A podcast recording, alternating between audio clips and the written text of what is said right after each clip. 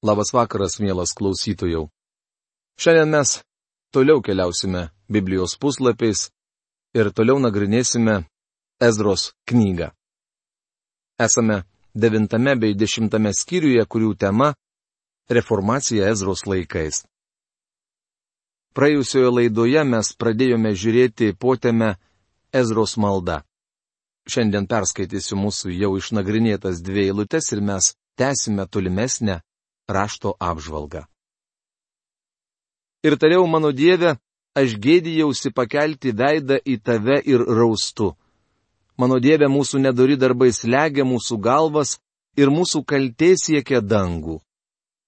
Nuo mūsų protėvių dienų iki pačios dienos esame sunkiai nusikaltę ir už savo nedorus darbus mes, mūsų karaliai ir mūsų kunigai, buvome atiduoti svetimų kraštų karaliams į rankas kalavijui, nelaisviai, apiplėšimui ir baisiai gėdai, kaip yra ir šiandien. Ezros knygos 9 skyriaus 6-7 eilutės.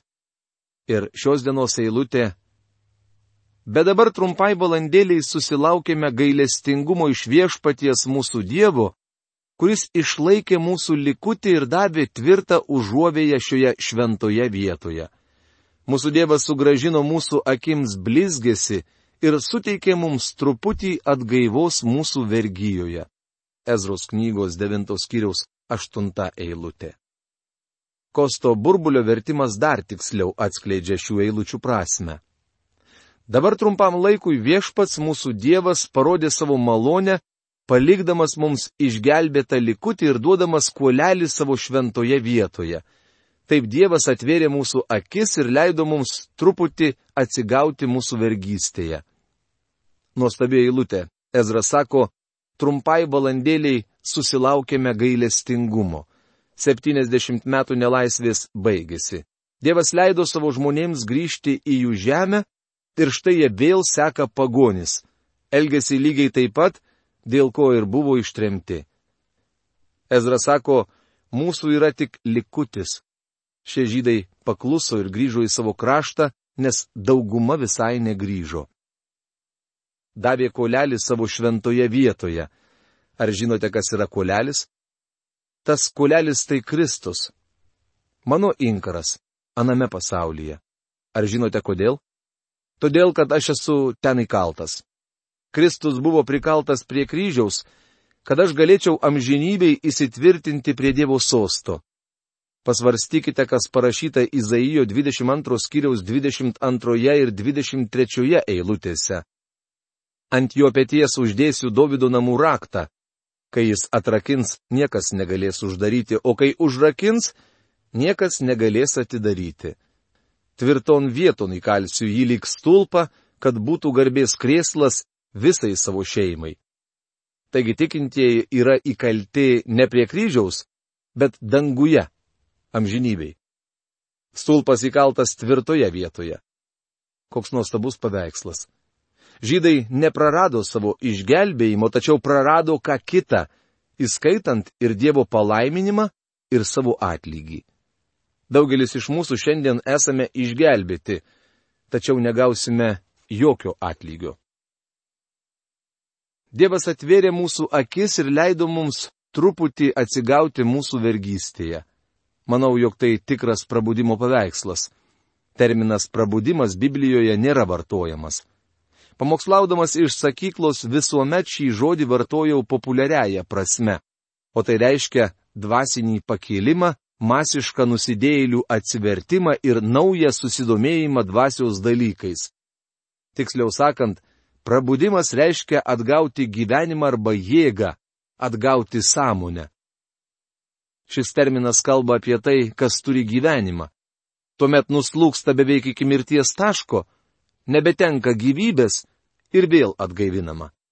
Romiečiams laiško 14 skyriaus 9 eilutė taip byloja apie Kristaus prisikelimą. Kristus numirė ir atgyjo. Kostas Burbulys šią eilutę išvertė dar tiksliau. Kristus ir mirė ir prisikėlė ir atgyjo. Akivaizdu, jog žodis prabudimas turi apsiriboti vien tikinčiaisiais. Tai reiškia, jog tikintysis yra blogos dvasinės būklės, ir yra atgaivinamas bei sustiprinamas. Taigi Ezros dienomis įvyks tikras prabudimas. Ezra meldžiasi toliau. Mes esame vergai, tačiau vergyjoje mūsų Dievas nepaliko mūsų, bet parodė savo ištikimą meilę Persijos karalių akivaizdoje, kad duotų mums naują gyvastį mūsų Dievo namams prikelti bei jiems atstatyti iš griuvėsių ir suteiktų mums užuovėją Jude ir Jeruzalėje. Ezros knygos 9 skyriaus 9 eilutė. Koks nuostabus Dievas buvo šiems žmonėms. Jie išpažįsta savo nuodėmę ir Dievas ketina juos palaiminti. Tad viso to akivaizdoje mūsų Dieve, ką mes galime sakyti, juk esame atmetę tavo įsakymus, kuriuos tu davei per savo tarnus pranašus tardamas. Kraštas, kurio paveldėti įeinate, yra užterštas kraštas, užterštas krašto tautų supuvimo, bjaurių papročių, kurie pripildė į savo nešvarumo nuo vieno galo iki kito. Tad dabar neduokite savo dukterų vesti jų sunums ir neleiskite jūsų sunums vesti jų dukterų. Niekada nesirūpinkite jų gerovę ar naudą, kad stiprėtumėte, valgytumėte krašto derlių ir paliktumėte kraštą savo vaikams kaip amžiną paveldą. Po viso, kas yra mus ištikę už mūsų nedarus darbus ir didelę kaltę, nors tu, mūsų Dieve esi mus mažiau nubaudęs, negu mes savo kaltėmis esame užsitarnavę, išlaikydamas tokį mūsų likutį. Ezros knygos 9 skyriaus 10-13 eilutės. Kitaip tariant, Ezra sako, mes negavome to, ko nusipelnėme. Už savo nuodėmės esame verti didesnės bausmės. Argi vėl laužysime tavo įsakymus tuokdamiesi su šiomis tautomis turinčiomis tokius bjaurius papročius? Argi tu neturi ant mūsų pykti, kol nesunaikinsi mūsų nepalikdamas nei bėglio, nei likučio? Viešpatė Izraelio Dieve tu teisus, tačiau mes esame išgelbėti tarsi likutis, kaip šiandien. Štai stovime prieš tave nusikaltę, todėl mes negalime būti tavo artume. Ezros knygos 9 skyriaus 14-15 eilutės. Tik Dievo gailestingumas, nuodėmės išpažinimas, Kristaus auka ir Dievo malonė galėjo padaryti įmanoma, kad jis šio žmonės išgelbėtų, prikeltų ir atgaivintų. Dievas visą tai padarys dėl Ezros maldos. Likutis šaukėsi Dievo gailestingumo. Kai nusižeminame ir šaukėmės gailestingumo, Dievas pasiruošęs mus išklausyti prabudimas prie Ezros. Po šio didelio maldos susirinkimo prasidėjo prabudimo judėjimas. O prabudimas visuomet veda į reformaciją. Kai vyksta tikras prabudimas, norint suskaičiuoti rezultatus, ekspertai nereikalingi. Kai Ezra, verkdamas parpuolė kniupšęs prieš viešpaties namus, meldėsi ir išpažino kaltę, Prie jo susibūrė didžiulė izraelitų vyrų, moterų ir vaikų sueiga. Ir žmonės graudžiai verkė. Ezros knygos 10 skyriaus pirmą eilutę. Tuo metu Dievo žmonės buvo apkaltinti dėl nuodėmės, o to iš ties reikėjo. Jehielio sunus Šechanija iš Elano palikonių kreipėsi į Ezrą tardamas mes iš tikrųjų nusižengėme savo Dievui, vesdami svetimtautes moteris iš šalies tautų. Bet nepaisant to, net dabar yra Izraeliui vilties. Ezros knygos 10 skyriaus antra eilutė. Šehanija turbūt tapo lūpomis tų, kurie pripažino savo nuodėmę ir norėjo ją išpažinti. Jis atėjo pas Ezrą ir tarė, mes nusižengėme savo Dievui. Tai labai atviras prisipažinimas. Jis tęsė, mes vedėme svetimtautės moteris iš šalies tautų. Toks pareiškimas mano draugė tiesiog prirėmė juos prie sienos. Žydų elgesys buvo visiškai priešingas Mozės įstatymui. Jie nepasidomėjo tuo, kas parašyta, kitaip tariant, nukrypo nuo Dievo žodžio. Dabar Šechanija atsiduoda Dievo gailestingumui ir sako, bet nepaisant to, net dabar Izraeliui yra vilties. Tad dabar padarykime sandorą su mūsų Dievu, kad išvarysime visas tas žmonas ir jų vaikus, sekdami tuo, ką patari tu mano viešpate ir tie, kurie sielujasi dėl mūsų Dievo įsakymų. Te būna laikomasi įstatymo. Ezros knygos 10 skyriaus 3 eilutė. Buvo ir tų, kurie dabar prisijungė prie nuodėmės išpažinimo. Jie taip pat drebėjo prieš Dievo įstatymą. Izraelitai ne tik skaitė ir tyrinėjo Dievo žodį, bet ir leido jam veikti savo širdise. Jie nesistengė racionalizuoti, pateisinti arba pridengti savo nuodėmės. Jie iš karto pripažino savo nuodėmę, taip pasielgdami pagal Dievo žodį. Imkis priemonių, nes tai tavo pareiga. Mes su tavimi. Būk ryštingas ir imkis priemonių. Tad Ezra atsistojo ir prisaigdino didžiūnus, kunigus, levitus ir visą Izraelį, kad jie elgsis, kai buvo kalbėta. Jie prisiekė. Tada Ezra pasitraukė iš vietos priešais Dievo namus, nuėjo į Eliešibo sunaus Jehanano butą ir praleido ten naktį. Ten jis nei duonos valgė, nei vandens gėrė, nes raudojo dėl sugrįžusiųjų iš tremties nusižengimo. Ezros knygos 10 skiriaus 4-6 eilutės. Sulaužyti Dievo įstatymą buvo labai rimtas dalykas. Žydai atėjo Dievo akivaizdon su didelė sielos kančia Kiekvienas turėjo padaryti tai, nuo ko plyšo širdis, tačiau buvo nusižengta Dievo žodžiu ir žmonės privalėjo atgailauti. Bičiuliai, štai nuo ko turi prasidėti prabudimas. Visų pirma, mes privalome gyventi Dievo žodžio šviesoje. Kai ateiname prie Dievo žodžio, jis apkaltina mūsų širdį. Mes išvystame, jog prarandame Dievo šlovę. Suvokiame, kad atvirai nusižengėme tam, ką Dievas užrašė kai išpažįstame jam savo nuodėmes, kai nuoširdžiai atgailaujame, Dievo vaikai atgaivinami. Šiandien mes labai uoliai pamokslaujame apie atgailą neišgelbėtam pasauliui.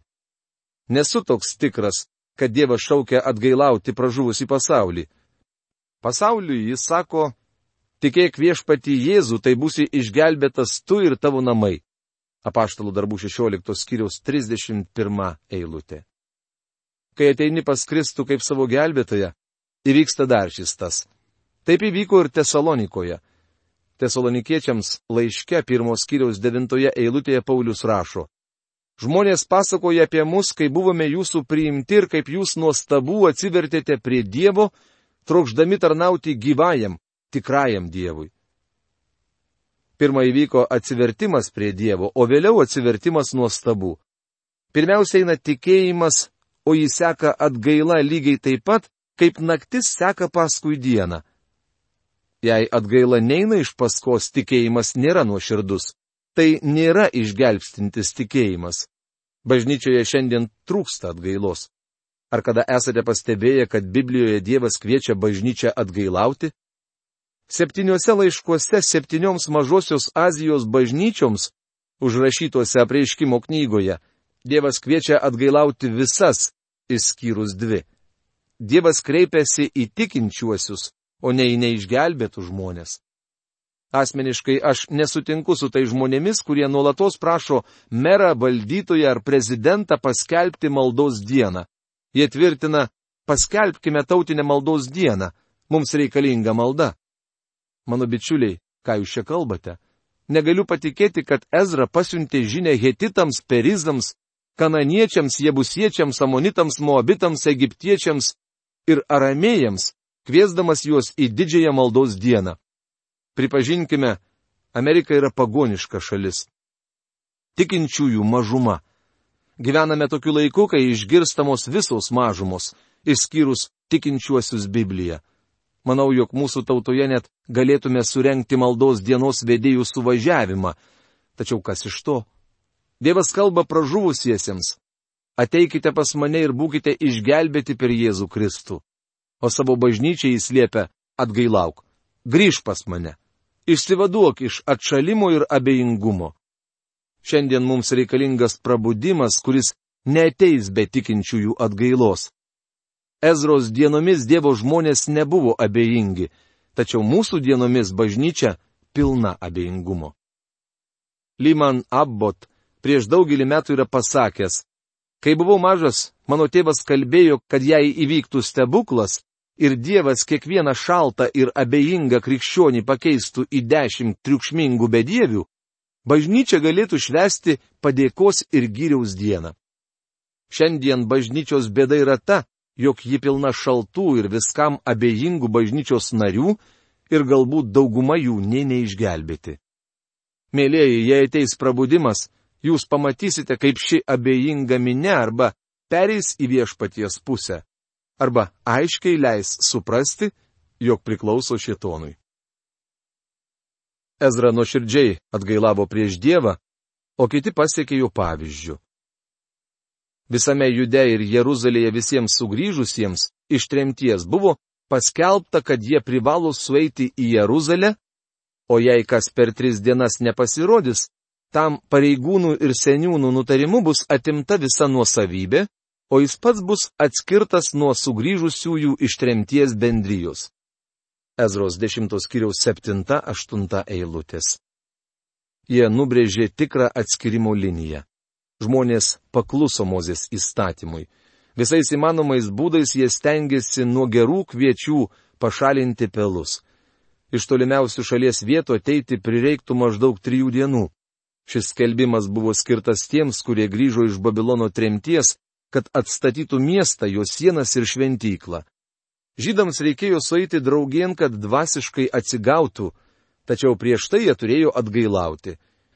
Tie, kurie neteis, nes mano, kad viskas vyksta ne pagal jų norą, arba turi kitokių prieštaravimų, privalo būti pašalinti iš bendruomenės. Šiandien bažnyčiai būtinas apsivalimas. Nesakau, kad iš bažnyčios narių sąrašų reikia išbraukti tuos, kurie ir taip nepasirodo susirinkimuose.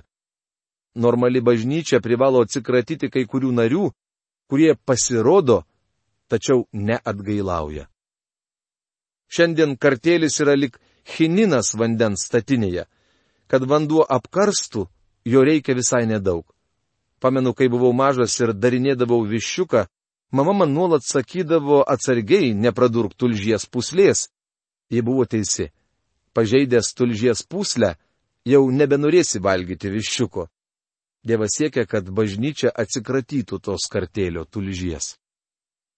Pavyzdžiui, Hebrajams laiške 12 skyriaus 15 eilutėje parašyta, Žiūrėkite, kad kas nors nenustotų Dievo malonės, kad kokia karti žalinga šaknis neišleistų daigų ir daugelis ją nesusiterštų.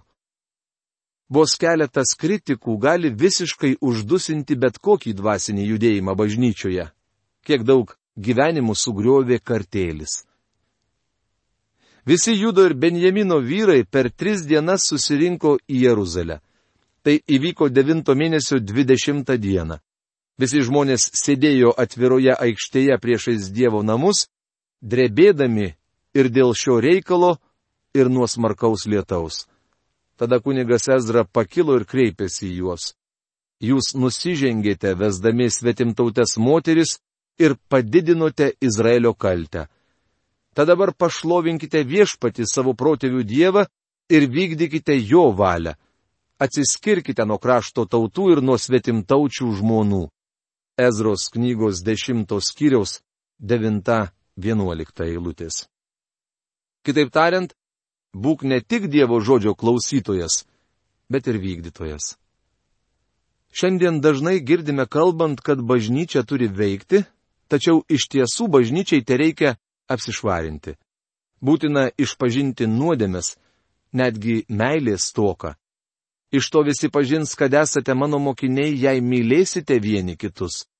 Rašoma Jono Evangelijos 13 skyriaus 35 eilutėje. Tai viešpatės Jėzaus žodžiai. Atsakydama visa sueiga garsiai šaukė, taip, mes turime daryti, kaip tu sakai. Ezros knygos 10 skyriaus 12 eilutė.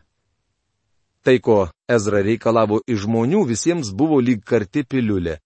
Esu įsitikinęs, kad kai žydai atsiskyrė nuo savo mylimųjų, jiems iš skausmo plyšo širdis ir siela buvo agonijoje. Įdomu pastebėti, jog kol jie rinkosi draugin, prasidėjo smarkiai liūtis. Bet žmonių yra daug, o dabar lietingasis metas, neįmanoma stovėti atvirame ore, Juk tai ne vienos dienos ar dviejų užduotis, nes daugelis iš mūsų yra taip nusižengę. Ezros knygos 10 skyriaus 13 eilutė. Prapliupo stiprus lietus ir visi norėjo išsiskirstyti. O Ezra pasielgė labai išmintingai, jis tarė. Nestovėsime čia per tokį lietų, ypač dėl moterų ir vaikų. Vietoj to, kad viską atliktume skubotai, grįšime čia kitą dieną ir viską išspręsime. Tad te atstovauja mūsų pareigūnai visai bendryjei, o visi mūsų žmonės, vedę svetimtautės moteris, te ateina prie jų paskirtų laikų draugė su kiekvieno miesto seniūnais ir teisėjais, kad būtų nugręžtas nuo mūsų degantis Dievo pyktis už šią nuodėmę. Ezros knygos 10 skyriaus 14 eilutė. Ezra norėjo, kad viskas būtų atlikta tvarkingai ir štai kaip jie pasielgė. Jie davė žodį, kad pavarys savo žmonas ir, išpažindami savo kaltę, jai išpirkti atnašavo po aviną iš kaimenės. Ezros knygos 10 skyriaus 19 eilutė. Paminėta atnaša rodo, jog žmonės vieningi. Jie susivienijo stengdamiesi atitaisyti savo santykius su Dievu. Po šios eilutės išvardinami tie, kurie sutiko pavaryti savo svetimtautes žmonas. Jie iškilmingai susitarė ir prisiekė tai padaryti. Visi jie buvo vedę svetimtautes moteris, bet pavarė jas ir jų vaikus. Ezros knygos 10 skyriaus 44 eilutė. Ši eilutė pasakoja liūdną istoriją. Tiesa, tėvų nuodėmės daro įtaką ir jų vaikams. Ezra buvo Dievo žmogus ir jis padėjo žydams suprasti, kad išsipildys Dievo sumanimas. Tai tokia žinia šiandien. Iki malonaus sustikimo. Sudė.